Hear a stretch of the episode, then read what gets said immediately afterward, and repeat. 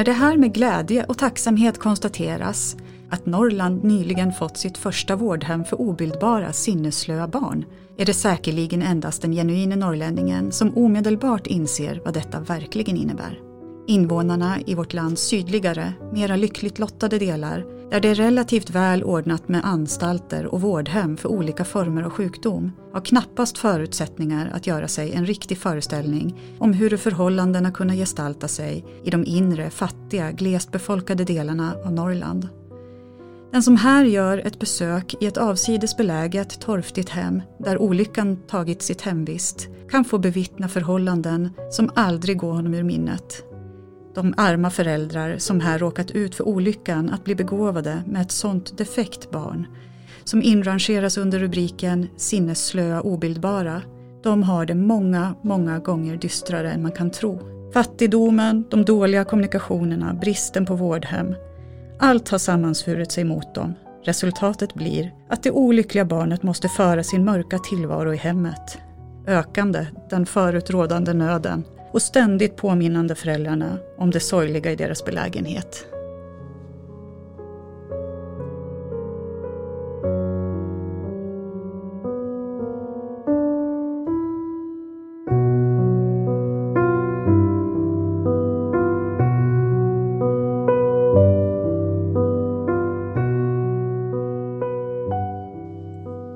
Välkommen till Riksarkivets podd Dokumenten berättar. Jag heter Martin Ahlström och idag sitter jag här tillsammans med Sara Grutt, historiker och arkivarie vid Riksarkivet i Östersund. Hej Sara! Hej Martin! Du har ju varit med i den här poddserien tidigare, nämligen i det nionde avsnittet Källor till sinnessjukvårdens historia. Ja precis, då handlade det ju om de psykiatriska institutionernas historia eller sinnessjukvård som man sa ja, tidigare. Men idag ska det inte handla om sinnessjukvård utan om sinneslövvård. Ett ämne som jag vet att du har forskat om. Ja men precis, idag blir det sinneslövvård. Den här inledningen, vad, vad var det för någonting? Vad var ja. det vi hörde? Eh, jo men det vi hörde här inledningsvis det var ett utdrag ur ett eh, tidningsklipp. Mm. Eh, från 1924 som beskriver hur man har öppnat ett nytt vårdhem för obildbara sinnesslöa barn. Ah, och det här hemmet det hette Eriksro och låg på Frösön i Jämtland. Ja. Och eh, i dagens poddavsnitt så ska vi alltså följa tre personnöden, eller hur? Ja, det ska vi göra. Lyssnarna kommer att få följa tre barn som vårdades då eh, inom ramen för det här eh, vårdsektorn som kallades för sinneslövård. Ja. Och jag ska försöka beskriva för er tänkte jag hur den här eh, vårdsektorn uppstod. Men också hur den utvecklades över tid. Mm. Men självklart också hur den här organisationen påverkade patienterna på olika sätt. Ja. Det här som vi hörde inledningsvis var ju ett exempel på hur det skulle kunna låta i pressen. Men har du använt några andra källor förutom pressartiklar? Ja, och här kan man säga att vi kommer in direkt på det som är lite speciellt med sinneslövården. När man pratar om källor då alltså. Ja. För att det fanns väldigt många olika huvudmän för institutionerna. Eller anstalterna som var det begrepp som man använde på den här tiden. Och det gjorde ju att en person kunde under sin livstid vårdas på många olika typer av anstalter som hade olika huvudmän. Mm. Så om man då som jag vill försöka följa en människas spår genom sinneslövården så måste man ofta söka i många olika arkiv och de kan ju förvaras var som helst i landet egentligen. I den här beskrivningen då så tänkte jag exemplifiera det genom att börja i arkivet efter den här väldigt småskaliga privata anstalten som fanns i Jämtland och som förvaras vid Riksarkivet i Östersund för mm. att sen sluta vid det gigantiska Vipeholms sjukhus som var ett statligt sjukhus och där eh, arkivet förvaras vid regionarkivet i Skåne. Ja just det. Men bara så att lyssnarna hänger med så kanske vi behöver förklara två begrepp här. Eh, du nämner ju två olika begrepp, alltså sinnessjuk och sinneslöv. Var det ungefär samma sak eller finns det någon skillnad mellan dem? Nej, man kan egentligen inte alls säga att det är eh, samma sak. Ofta så blandas de här två begreppen ihop. Och jag tänkte faktiskt försöka mig på att dra en parallell till nutiden för att jag ska kunna tydliggöra vad jag menar. Mm. Om vi tar sinnessjukvården då till att börja med så kan man lite förenklat säga så här att en person som idag lider av någon form av psykisk ohälsa det kanske kan vara en, en eh, mer långvarig depression så att man får vård inom psykiatrin på något sätt. Ja. Den personen skulle under 1930 och 1940-talen sannolikt ha skrivits in vid ett eh, sinnessjukhus. Ja. Sinnessjukvården hade en helt egen struktur och en helt egen organisation och man vårdade också vuxna personer. Det var ju inte några barn som man vårdade på de här sinnessjukhusen. Nej, nej. Även om det säkert fanns något undantag. Ja. Om vi går till sinneslövården och försöker göra samma parallell så skulle ja. en person med en intellektuell funktionsnedsättning som idag är inskriven till exempel i särskola eller träningsskola mm. och som kanske sen i vuxen ålder bor i en gruppbostad och omfattas av någon typ av eh, liknande omsorg den personen skulle på 1930-1940-talen ha eh, sannolikt då ha omhändertagits inom sinneslövården. Mm. Sen får man också tänka så här att man kan ju se då i, i journalerna att vissa patienter i sinneslövården hade funktionsvariationer som vi idag kanske skulle säga tillhör autismspektrat. Mm. Men den här diagnosen fanns ju inte då. Så att det är väldigt svårt att eh, säga någonting med exakthet eftersom vi diagnostiserar och kategoriserar människor på andra sätt idag ja, än vad precis. vi gjorde då. Ja, man använder ju ett helt annat vokabulär förr. Ja, men precis. Så du menar att det inte finns något begrepp idag som är helt utbytbart mot till exempel sinneslö? Ja, precis. Eh, gränserna för vad vi betraktar som normalt och onormalt och sjukt och friskt. Alltså det är någonting som hela tiden förändras. Ja. Och eftersom det inte finns några samtida begrepp som är helt jämförbara så kommer jag ju att säga sinneslö, sinneslöanstalt i den här podden. Och det är ju trots att det idag uppfattas som nedsättande begrepp och mm. som skällsord. Ja. Med sinnessjuk och sinneslö så menar man egentligen två helt olika saker då? Men själva vården då, bedrevs den på ungefär samma sätt? Nej, det gjorde den egentligen inte heller. Ehm, det är klart att det fanns ett visst överlapp både organisatoriskt eh, och patienter som flyttades mellan de olika vårdformerna så att det var inte vattentäta skott mellan de här två Nej. olika eh, vårdformerna. Men tittar man liksom historiskt så kan man säga att när det gäller sinnessjukvården så tog staten ett väldigt tydligt ansvar tidigt, under tidigt 1800-tal. Mm. Så gick staten in och inrättade stora hospital i varje region. Så man hade de här hospitalen från norr till söder egentligen. Mm. Men motsvarande utveckling, om vi pratar om sinneslövården, det tar mycket längre tid och kommer senare. Och då är det mycket mer frivillighet och frivilliga privatpersoner, filantroper som går in och gör en insats. Man börjar någonstans kring 1800-talets mitt så börjar man argumentera för att staten faktiskt hade ett liknande moraliskt ansvar för mm. de sinneslöa som mm. de också hade tagit för de sinnessjuka. Mm. Och på den här tiden så har man inte börjat säga sinneslö än. Man säger fortfarande ofta idiot. Eh, fåne är också ett sånt här begrepp som, som förekommer. Eh, men man börjar allt mer gå över till begreppet sinneslö.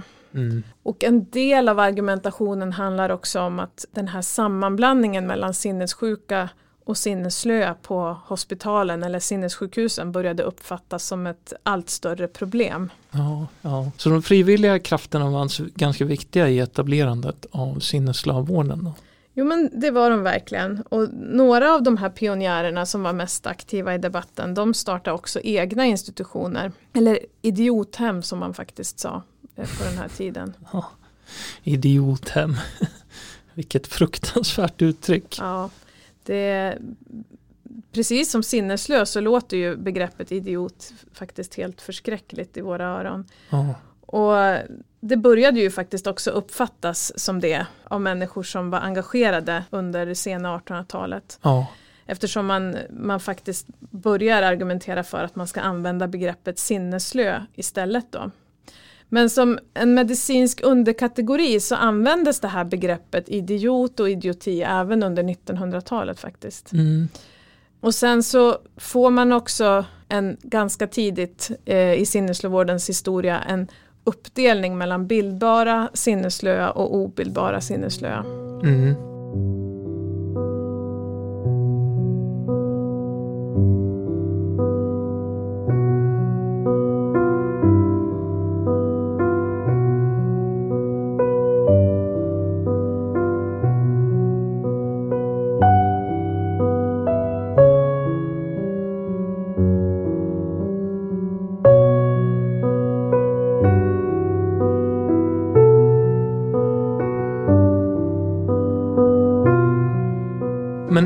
Visste man vem som var sinneslö och vem som var bildbar? Ja, det här är ju det är ganska vagt egentligen. Ja. Sinneslö var ett löst definierat begrepp.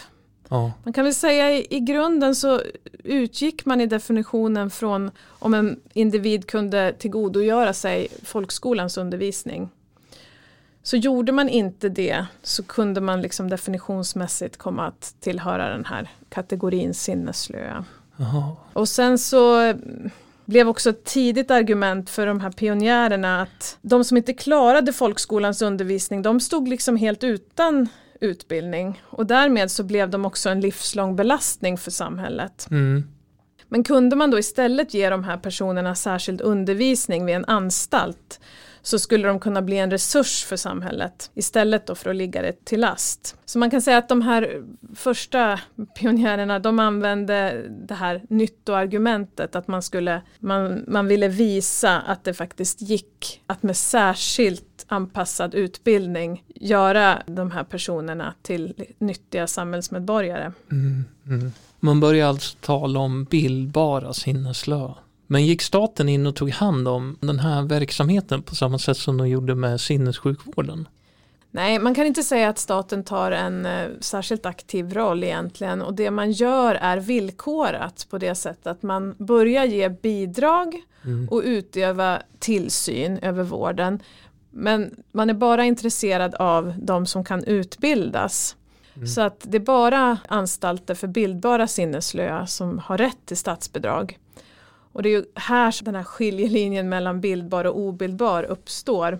Ja. Så att utbildning fick statligt stöd men för enbart vård då ville staten åtminstone till en början inte skjuta till några resurser alls. Okej, okay. så med andra ord om det var till nytta för samhället så fick du stöd. Men om det inte var det så Så skulle man kunna säga. Ja, precis. Till en början så såg det ut så här då, men det här kom ju att ändras. I början så fanns det ju en väldigt stor optimism hos pionjärerna kring vad man skulle kunna åstadkomma med de här utbildningsinsatserna. Den här optimismen höll inte i sig sådär särskilt länge. Efterhand så blev det allt tydligare att eh, många som hade skrivits in på de här hemmen för bildbara fick skrivas ut eftersom de faktiskt inte kunde klassas som bildbara. Så både pionjärerna men också politikerna tvingades fram emot sekelskiftet 1900 inse att i många fall så handlade det om livslång vård och omsorg. Mm. Mm. Och här mot slutet av 1800-talet så går landstingen också in och blir mer aktiva i vården och man öppnar allt fler landstingsdrivna anstalter. Både på slutet av 1800-talet men också särskilt i början av 1900-talet. Och när det sen då, eh, när sen statsbidrag för obildbara blev verklighet 1904, då öppnade ju det upp för en etablering också av privata vårdhem. Just det. Okej, okay, men anstalten Eriksro, var passar den in i den här samhällsutvecklingen? Ja, Eriksro var en sån här liten privat anstalt och eh, det var ju de här privata anstalterna som inriktade sig mot obildbara sinneslöa som faktiskt kunde få statsbidrag då efter den här ändringen 1904. Och det gjorde att många privata anstalter såg dagens ljus då ungefär vid den här tiden. Så att eh, om man tar 20-talet som exempel, 1920-talet, så etablerades inte mindre än 22 nya sinneslöanstalter och 17 av dem var privata. Och den här etableringen följde på en tid då landstingen hade redan etablerat stora anstaltskomplex men där man framför allt hade inriktat sig mot undervisning. Mm. Och även i Jämtland Eriksro låg ju i Jämtland. Även i Jämtland så hade landstinget eh, satsat på sinneslövård och man hade byggt en helt ny anstalt eh, i Bräcke. Eh, Furuhagen hette den och låg då i Bräcke i sydöstra Jämtland. Och Furuhagen var alltså för bildbara sinneslöa? Ja, det var det. Och vid det här laget så visste Jämtlands läns landsting mycket väl att det fanns ett behov av vård för obildbara. Ja. Men man hade gjort en stor satsning och ville inte prioritera den formen av vård i det här första läget då. Men då fanns det ju privatpersoner i Jämtland som tyckte att det här var en viktig fråga och de var beredda att göra någonting på egen hand. Och det var därför som man eh, på hösten 1923 bildade föreningen Eriksro och den föreningen hade som ambition att redan ett år senare kunna ha en verksamhet igång och kunna ta emot de första patienterna. Mm. Och tittar man på den här föreningen då, vad det var för människor så fanns i spetsen eh, för, för gruppen så fanns en bokhandlare från Östersund som hette Erik Hallqvist. Och tittar man på hans familj i församlingsboken så framkommer att han själv hade en son som då står antecknad i församlingsboken som sinneslö. Ja, okay. Och han hette också Erik. Ah. Och det är i förhållande till det här som anstalten fick det här namnet Eriksro. Okej, okay. men sonen Erik, han var aldrig på Eriksro då eller? Nej, han var där under en kort period. Okej. Okay. Eh, mm. Var han. Mm. Så en av grundarna hade alltså personliga erfarenheter som drev honom till att starta det här hemmet. Det låter ju ändå ganska logiskt. Ja, det finns även flera exempel på det. Ja, det kan jag tänka mig. Särskilt mm. om man ser till de här första institutionerna. Mm. Där, där är det ganska vanligt att man har en, någon form av koppling i släkten till exempel. Ja. Till ett eh, barn eller syskonbarn som kategoriserades som sinneslö. Ja, jag kan tänka mig det.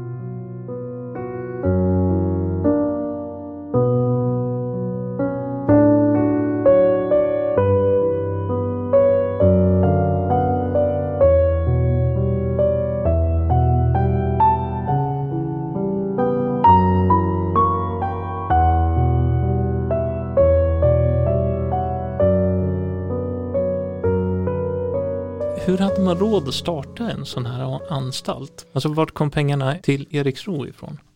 Man gjorde insamlingar och upprop bland allmänheten. Men i huvudsak så skulle det här hemmet finansieras av vårdavgifter. Och det vanliga var att vårdavgifterna kom direkt från kommunerna.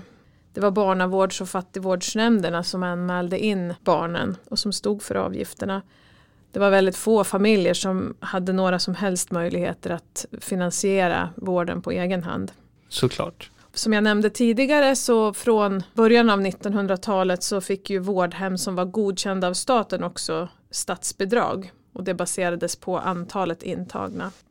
Och staten skulle också via sin inspektör sätta ett godkänt platsantal men sen så hade Eriksro då, styrelsen hade också förhandlat till sig ett bidrag från Jämtlands läns landsting eftersom man ju löste ett problem åt landstinget. Så man fick också ett statligt bidrag då från, från landstinget. Mm. Föreningen de uppförde inte någon egen fastighet för den här vårdinstitutionen utan man hyrde en grosshandlarvilla i Mjälle på Frösön och så skrev man kontrakt för den då på fem år. Man fick eh, enligt vad man kom överens om med Medicinalstyrelsen så hade man rätt att ta emot 24 patienter i den här villan då. Mm. Så nu var alltså allt klart för patienten att flytta in då? Eh, men vilka var de? Ja, jag tänkte att vi skulle gå in på det nu eh, genom tre exempel på barn som vårdades vid Eriksro. Mm. Och jag tänkte att vi skulle börja då med, med en pojke som hette Gustav. Och Gustav han kom till Frösön och Eriksro i mitten av juni 1925. Och han var vid den här tiden tre och ett halvt år. Och han var en av få intagna vars föräldrar själva stod för vårdavgiften. Jaha. Och han var den äldste sonen i sin familj. Och pappan då han hade en anställning inom det militära. Man förstår av församlingsböckerna att det här är en familj som flyttar ganska frekvent. Ja. Gustav han var född i södra Sverige. Och ehm, man kan väl tänka sig att eftersom pappan jobbade inom det militära att det var det som gjorde att man flyttade ganska frekvent då. Ja. Och sen 1926 så kom en annan liten pojke till Eriksro, Stig. Och precis som Gustav så var Stig, han var också bara tre år när han skrevs in. Så han var väldigt liten när han kom. Mm. Um, men hans bakgrund var lite annorlunda. Han föddes i Jämtland i en by strax utanför Östersund. Pappan var småbrukare. Och eh, ganska tidigt i församlingsböckerna så har man antecknat Stig som sinneslö. Mm. Stig var några år gammal när hans mamma dog i barnsäng. Och det dröjde inte så länge förrän Stigs pappa träffade en ny kvinna. Mm. Och eh, man kan säga att det är via fattigvårdsstyrelsen då som, som Stig sen får en plats på mm. Eriksro. Mm. Och då fanns det ingen plats för honom i, i hemmet när pappan fick en ny fru? Nej, det, det kan ju ha någonting med det att göra. Att ja. liksom, familjesituationen förändras. Hans eh, styvmor får också flera, eh, flera nya barn då som, som ja. blir halvsyskon till Stig.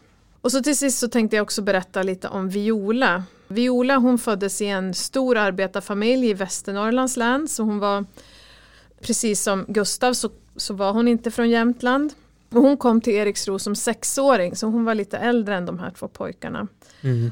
Och i församlingsboken så står hon antecknad som idiot och epileptiker. Och eh, från senare anteckningar om henne så framgår det att hon sedan den tidigaste barndomen har haft epileptiska anfall och medvetslöshet två till tre gånger i veckan. Oj, det är ju väldigt mycket.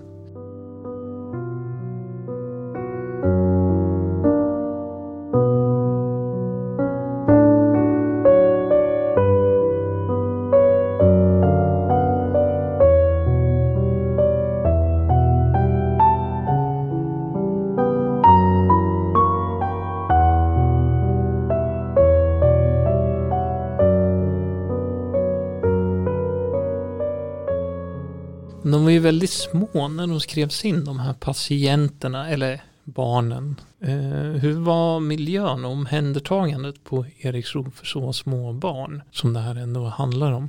Det är svårt att säga och dra några slutsatser om det. Ja. Eh, man, man får lite grann försöka läsa mellan raderna och se till helhetsbilden i de olika typer av källor som har bevarats från anstalten. Mm.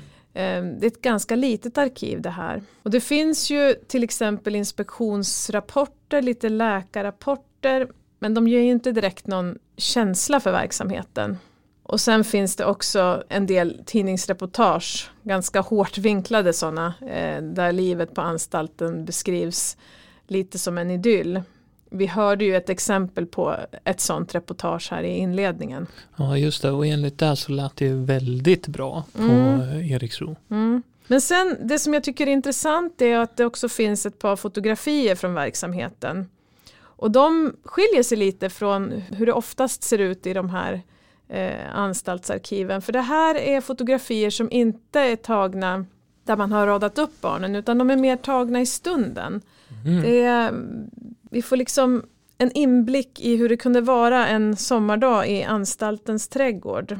Okay. Och de här bilderna ger ändå ett relativt familjärt uttryck men hur man upplevde det som patient det är ju omöjligt att veta. Ja. Vi har ju lagt upp en sån här bild på Riksarkivets webb. Ja. Där det är någon form av eh, ringlek som pågår och där både barnen och de anställda är involverade i den här leksituationen. Mm. Och det här är ju patienter som, som oftast inte kan tala och än mindre kan de ju göra sig hörda genom det skrivna ordet. Det man också kan fundera över och som man kan, eh, ja det är svårt att dra några slutsatser men man kan ändå se att ledningen särskilt betonade att barnen kunde ta med sig sina privata leksaker när de skrevs in. Mm. Och att de också gärna ville veta vid inskrivningen om barnen lyst, lystrade till något särskilt namn eller något särskilt tilltal. Och sen så kan man också se på listor över gåvor som skänktes till verksamheten så kan man se att Gustavs pappa då ger till exempel en låda konfekt, han ger 10 kilo rabarber vid något tillfälle. Den här bokhandlaren Erik Hallqvist eh, som, som var en av grundarna till hemmet och hans fru de eh, ger ju flera gånger och, saker till hemmet. Eh, två mm. kilo gott teater står det till exempel. Kafferep mm. till barn och personal och liknande. Mm. Det här är ju liksom bara fragment men, men det ger väl ändå någon slags eh, någon slags indikation på att det var viktigt ändå att göra det trevligt för både patienter och personal. Ja, precis. Det är väl ganska vanligt att sådana här skriftliga källor annars bara berättar om patienterna. Vi får ju aldrig höra deras egna röster direkt. Nej, precis. Och, och sen är det ju också så att Eriksro som institution fick inte heller någon lång historia och därför Nej. finns det inte så många handlingar bevarade från verksamheten. Nej. Det tog bara fyra och ett halvt år efter att den här anstalten öppnades så stängde den faktiskt för gott. Och då hade man haft 34 patienter inskrivna. Men någonting som man kan säga då om den här korta historien det är att patienterna var hårt drabbade av sjukdom och mm. faktiskt inte mindre än åtta patienter avled under den här perioden av bara drygt fyra år. Wow. Tre av dem då dog i tuberkulos, en dog i mässling, en dog av lunginflammation och för tre av barnen så, så anges inte någon dödsorsak. Och sen var det faktiskt också så att bokhandlare Erik Hallqvists son, han var inte inskriven som patient men han vårdades under en kort period på Eriksro och avled sen där också. Jaha. Så 8 av 34 barn alltså avled där. Eh, det är ju ganska många döda och på så kort tid också. Det blir extra sorgligt eftersom det handlar om barn just. Eh, hur ska man tolka att så många dog under den här tiden egentligen? Ja, det är svårt att säga. Det är väl en kombination av orsaker men väldigt svårt eh, ja. att uttala sig om.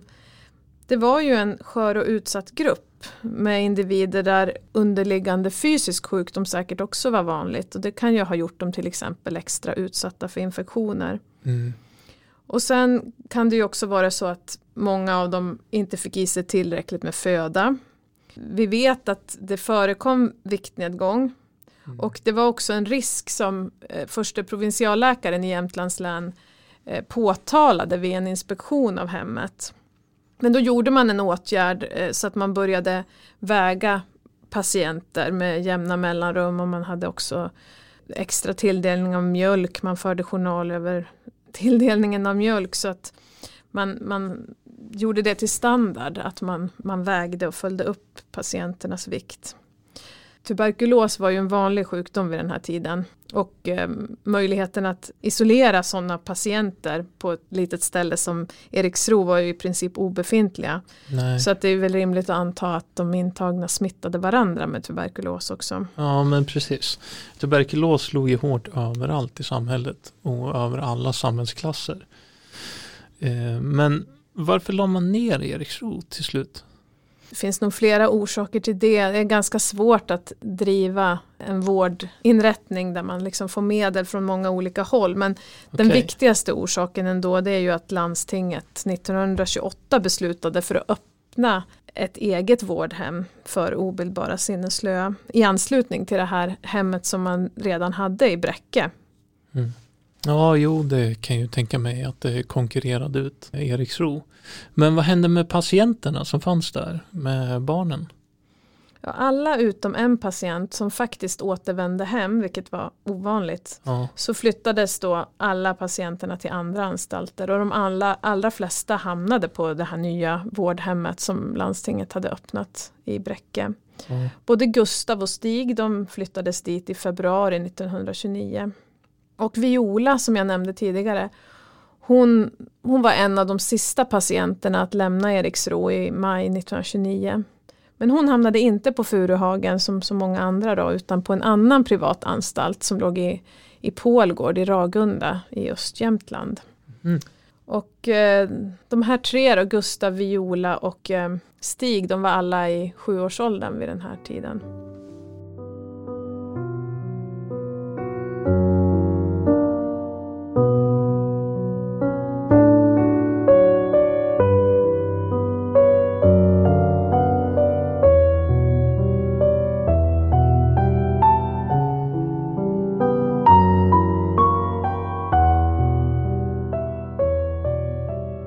Nu flyttar barnen alltså ifrån en anstalt till en annan. Det borde ju ha slitit på dem Mm. och på deras föräldrar. Varför blev det så att man flyttade dem? Och, och eh, vet man någonting om hur föräldrarna upplevde det?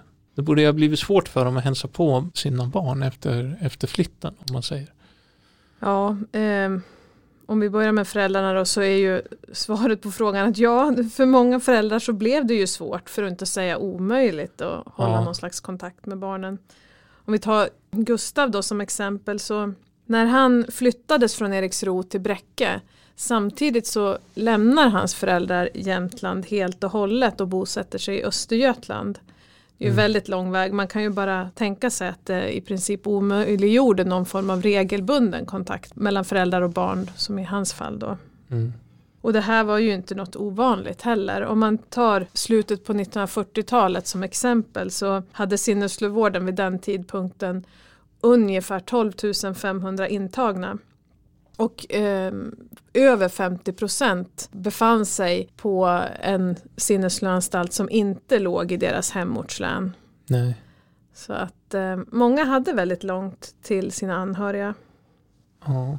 ja, det talar ju för att många av barnen tappade kontakten med sina föräldrar. Ansågs det inte alls viktigt för föräldrarna att de skulle ha kontakt med sina barn eller hur såg man på det?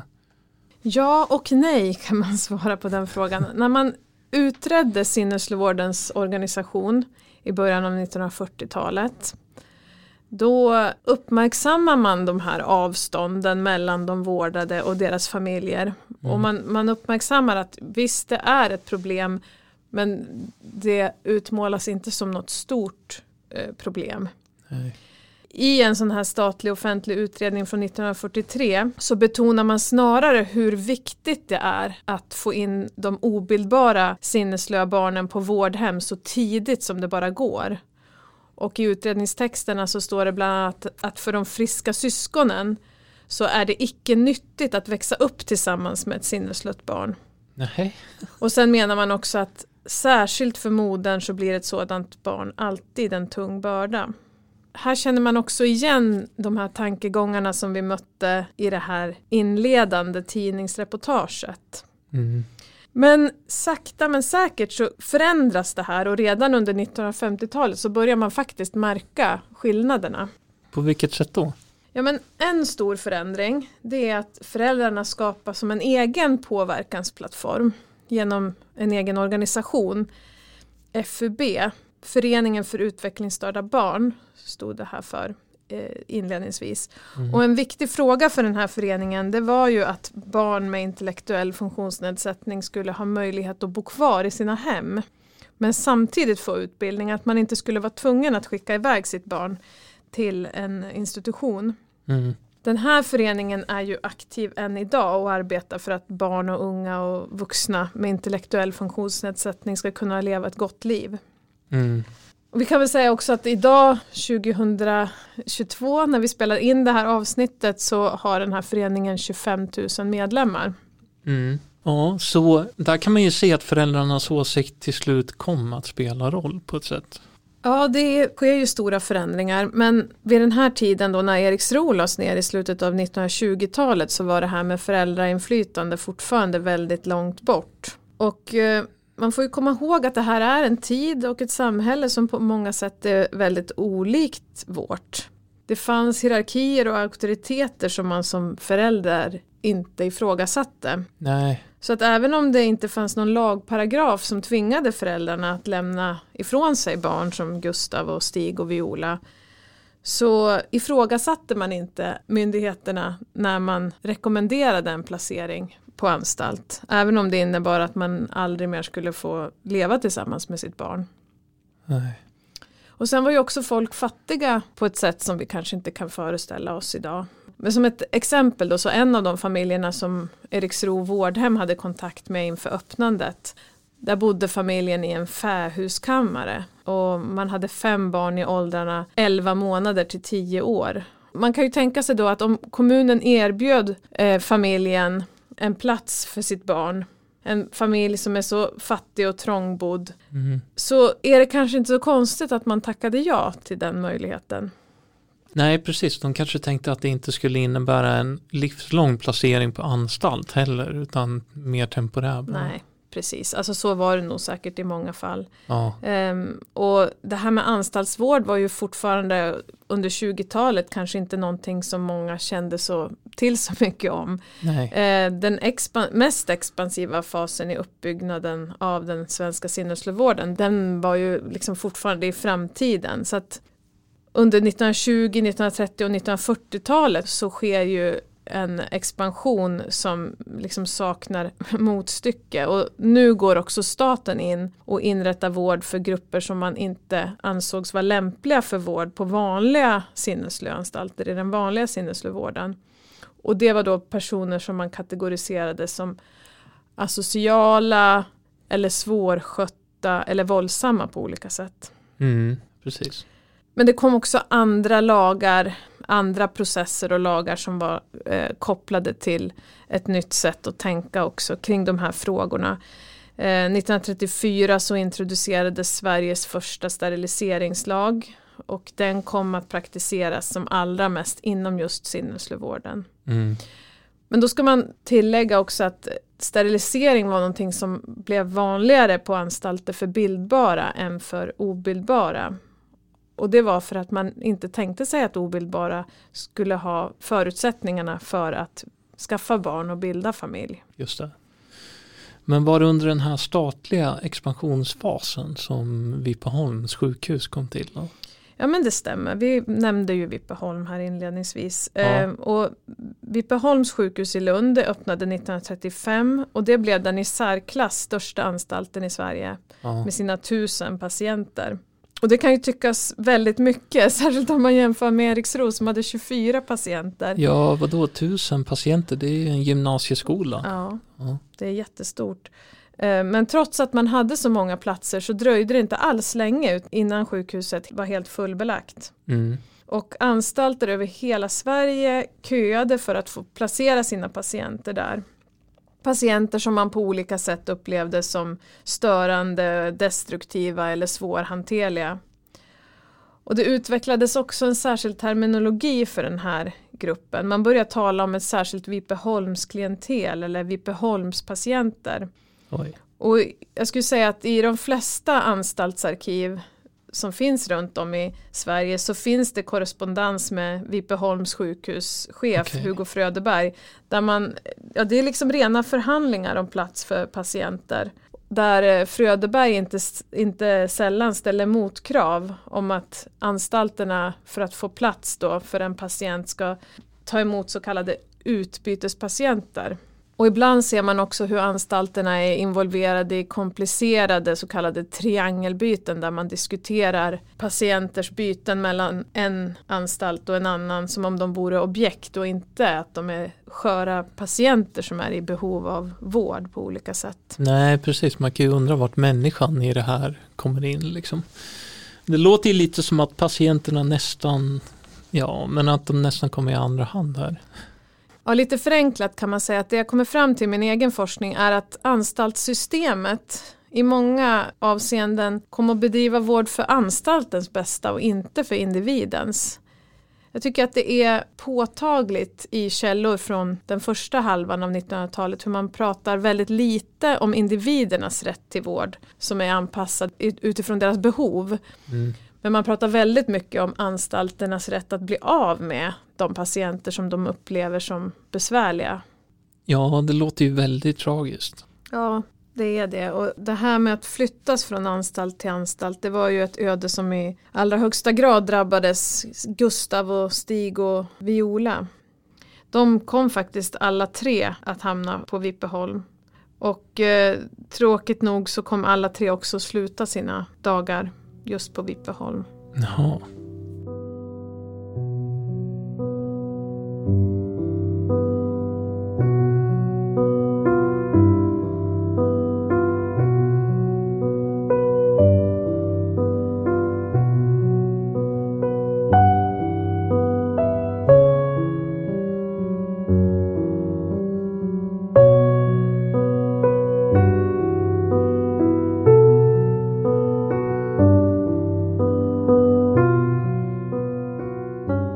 Berätta lite mer om dem. Eh, vad var det som hände på Vipeholm? Ja, ehm, jag har beställt Gustavs och Stigs och Violas journaler från regionarkivet i Skåne. Ja. Och där får man veta lite grann både om vad som hände på Vippeholm men också vad, vad som hade hänt dem under tiden mellan Eriksro och tiden på Vippeholm. Ja, okej. Okay. Om vi tar Stig då till att börja med. Han var 14 år när han kom till Vipeholm 1936 och det var bara ett år efter att sjukhuset hade öppnat. Och eh, under de sex år då sedan Eriksro hade lagt ner så hade Stig varit intagen på Furuhagen i Bräcke.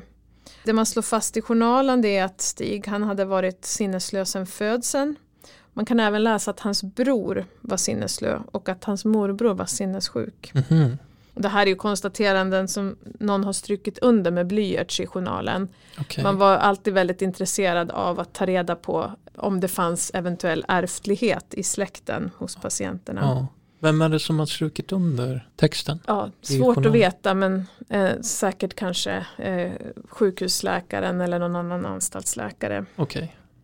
Och av journalen så förstår man att Stig tidigare hade lidit av epilepsi men att han efter då medicinsk behandling har blivit anfallsfri. Jaha, oj. Får man veta något mer om varför han har blivit omplacerad till just Vipholm? Ja, det, det sägs faktiskt ganska eh, rakt ut att han eh, ska då enligt anteckningarna som förts över från Furuhagen ha haft en agiterad sinnesstämning står det. Och de senaste åren ska han ha varit mycket bråkig, orolig och svårskött. Oj då. Och på grund av det här då och så sin förstörelselusta som det står och sin osnygghet så har han inte ansetts som en lämplig patient på den här landstingsdrivna anstalten. Och av journalen så framgår också att Stig inte kan tala. Det står att han förstår enklare tillsägelser men att han inte lyder. Mm -hmm. Vi kanske ska förklara för lyssnarnas skull. Vad betyder egentligen osnygg? Ja, osnygg är ett sånt här jättevanligt förekommande begrepp i journaler från den här tiden. Och ofta beskriver man också osnyggheten på en skala. Det handlar inte om utseende, vilket vi kanske tänker idag. Nej. Utan det är mer en samlad beskrivning över liksom status för eh, renlighet, personlig hygien och patientens förmåga att liksom sköta den själv, gå på toaletten, att inte kissa på sig, bajsa på sig, sådana saker. Ja, just det. Just det. Men hur gick det sen för Stig då? Ja, Stigs epileptiska anfall kom tillbaka, står det. Han beskrivs som mycket orolig och störande. Ja. Stjäl mat och äter glupskt, står det bland annat i journalen. Han river sönder kläder, sängkläder och annat som kommer i hans väg. Det står också då att han irriterar omgivningen med sin ständiga oro. Men sen då två år efter att han har blivit inskriven så blir han sängliggande på grund av en hudinfektion och den här hudinfektionen den tog sig sen in i skelettet och han fick en blodförgiftning och sen så dog han tio dagar efter han hade blivit sjuk. Oj.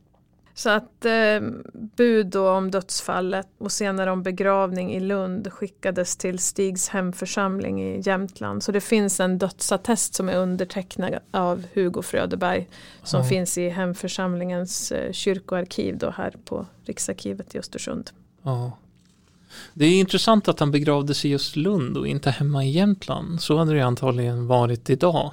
Men Stig var alltså på Vipeholm i ungefär två år. Ja, precis. Han var 16 år bara när han gick bort. Om vi går till Viola då, så hon kom till Vipeholm året efter Stig. Men inte ja. heller hon var där särskilt länge. Hon kom då 1937. Och sen hon var på Eriksro så hade hon vistats på hela tre olika institutioner. Först i det här hemmet i Ragunda som jag nämnde. Sen var hon på ett hem som heter Hyddan i Norberg i Dalarna. Och så sen som sista anhalt innan Vipeholm så var hon också inskriven under en period vid Umedalens sjukhus i Umeå. Jaha. Som egentligen då tillhörde sinnessjukvården. Ja. Men, men det förekom ju faktiskt att, eh, att man skrev in sinnesslöa eh, vid sinnessjukhusen men det var ju ofta någon slags temporär och desperat åtgärd när anstalterna inte såg att det fanns något annat sätt att få till en omplacering. Nej. Och precis som Stig då så står det i journalen att eh, Viola inte kan tala. Och precis som Stig så har hon också epilepsi men hennes tillstånd verkar ha varit svårare. Jag nämnde ju tidigare att hon hade haft svåra epileptiska anfall och medvetslöshet flera mm. gånger i veckan sedan barndomen. Och Hon hade också haft engelska sjukan som är en bristsjukdom som påverkar skelettet och därför kunde hon heller inte gå utan stöd. Mm. Var det de här funktionsnedsättningarna som gjorde att hon till slut hamnade på Vipeholms sjukhus eller vadå? Nej, det är ju inte, det är ju precis som för Stig då så finns det journalanteckningar där hon beskrivs som osnygg, skrikig, ja. svår, motsträvig, måste skötas i allt står det. Men det finns också anteckningar som pekar i en positivare riktning efter hon har kommit till Vipeholm. Så att under senare delen av 1938 så kan man läsa att hon har varit fri från epileptiska anfall under två månader och att hon sover bra, har god aptit och har ökat i vikt. Mm. Och så står det eh, vistas uppe, har under senare tiden blivit betydligt bättre, kan nu äta själv.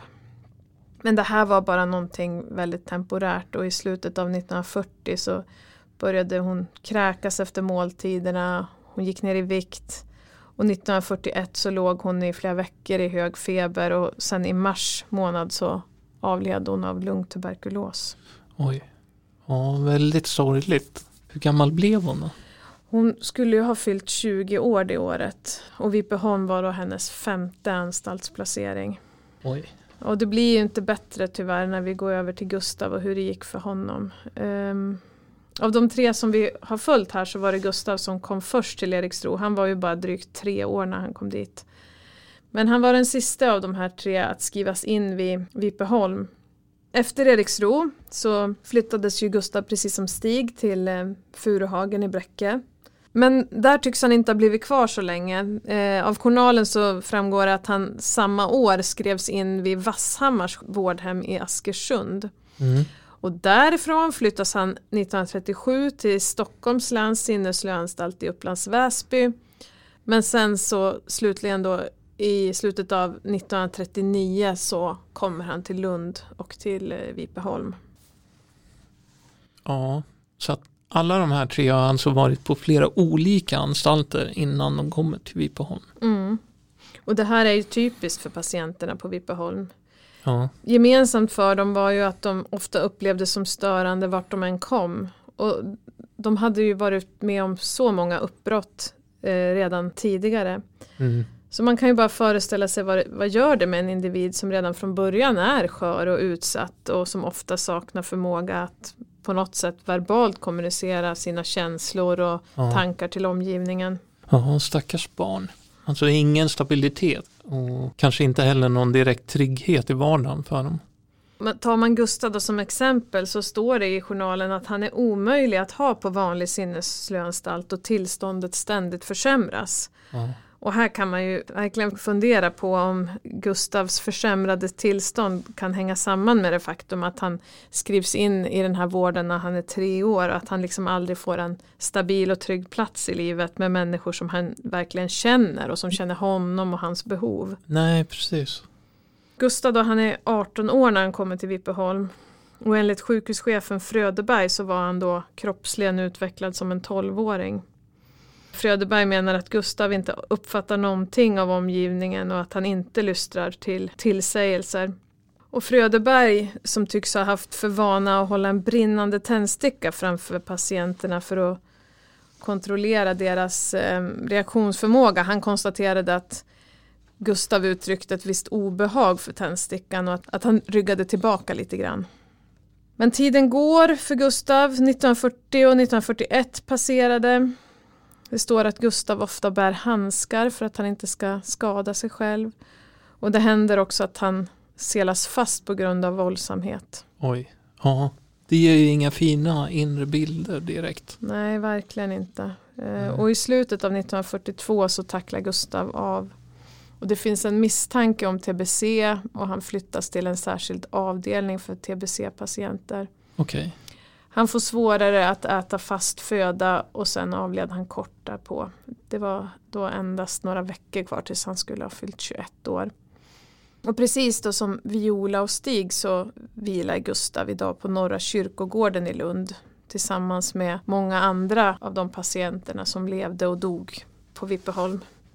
Ja, jag blir väldigt illa berörd när jag hör de här historierna om Stig, Viola och Gustav historien är ju inte alltid vacker. Nej, den är ju verkligen inte det. Men jag tror att som lyssnare så kan man ju lätt tänka sig att ingen brydde sig om de här barnen och att Nej. människor för uteslutande var råa och brutala när det kom till barn och unga med olika typer av funktionsvariationer.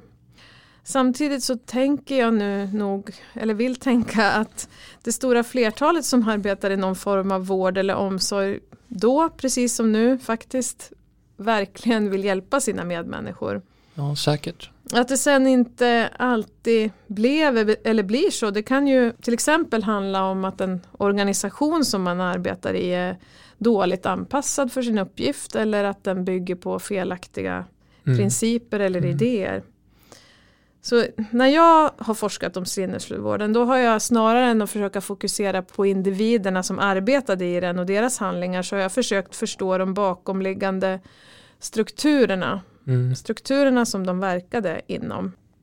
Och eh, i det här systemet av anstalter som byggdes upp från slutet av 1800-talet och framåt så, så utvecklades det någon slags praxis där man gjorde sig av med individer som man upplevde som problematiska snarare än att man försökte anpassa miljön runt individen Mm. och lösa situationen på plats där man var. Så som det är idag. Ja, så som man i alla fall eftersträvar att det ska Ja, vara mera- ja, idag. Exakt. Även om det såklart finns problem i, Mm. i, våra, i vård och omsorg även idag. Mm. Ehm, men Stig och Viola och Gustav de är ju liksom alla exempel på hur förödande ett sånt system i förlängningen blir. Mm. Men det kom ju också en motreaktion på det här. Pendeln skulle komma att svänga och inte minst började personalen också opponera sig mot det orimliga i att man ryckte upp individer ur den värld de kände till och var trygga med. Så att jag, jag skulle vilja avrunda med ett citat från 1950-talet där en föreståndarinna för en eh, sinneslöanstalt i norra Sverige säger så här. Varför är det bättre att han slår ut fönster på en statlig anstalt? Varför är det bättre att han slår en statligt anställd vårdare i Skåne? Än att han eventuellt någon gång slår oss och spräcker våra rutor? Vi känner honom ju dock och jag har skött honom sedan han var barn. Ja, det där var ju ett passande citat så här i slutet på podden. Sara, tack för att du kom och berättade för oss om sinnesslövårdens historia. Eh, även om historia kan vara smärtsamt så är det ändå en del av vår förståelse om varifrån vårt samhälle har sitt ursprung på något sätt. Absolut. Ja. Tack för ett väldigt intressant samtal. Tack själv. Och tack alla ni andra som lyssnar på podden. Eh, det kommer snart mer intressanta poddar. Jag vill också säga att i inledningen så hörde vi Carita Rössler läsa ett citat ur en artikel ur föreningen Eriksros arkiv som finns här på Riksarkivet i Östersund. Och med det så säger jag tack och hej.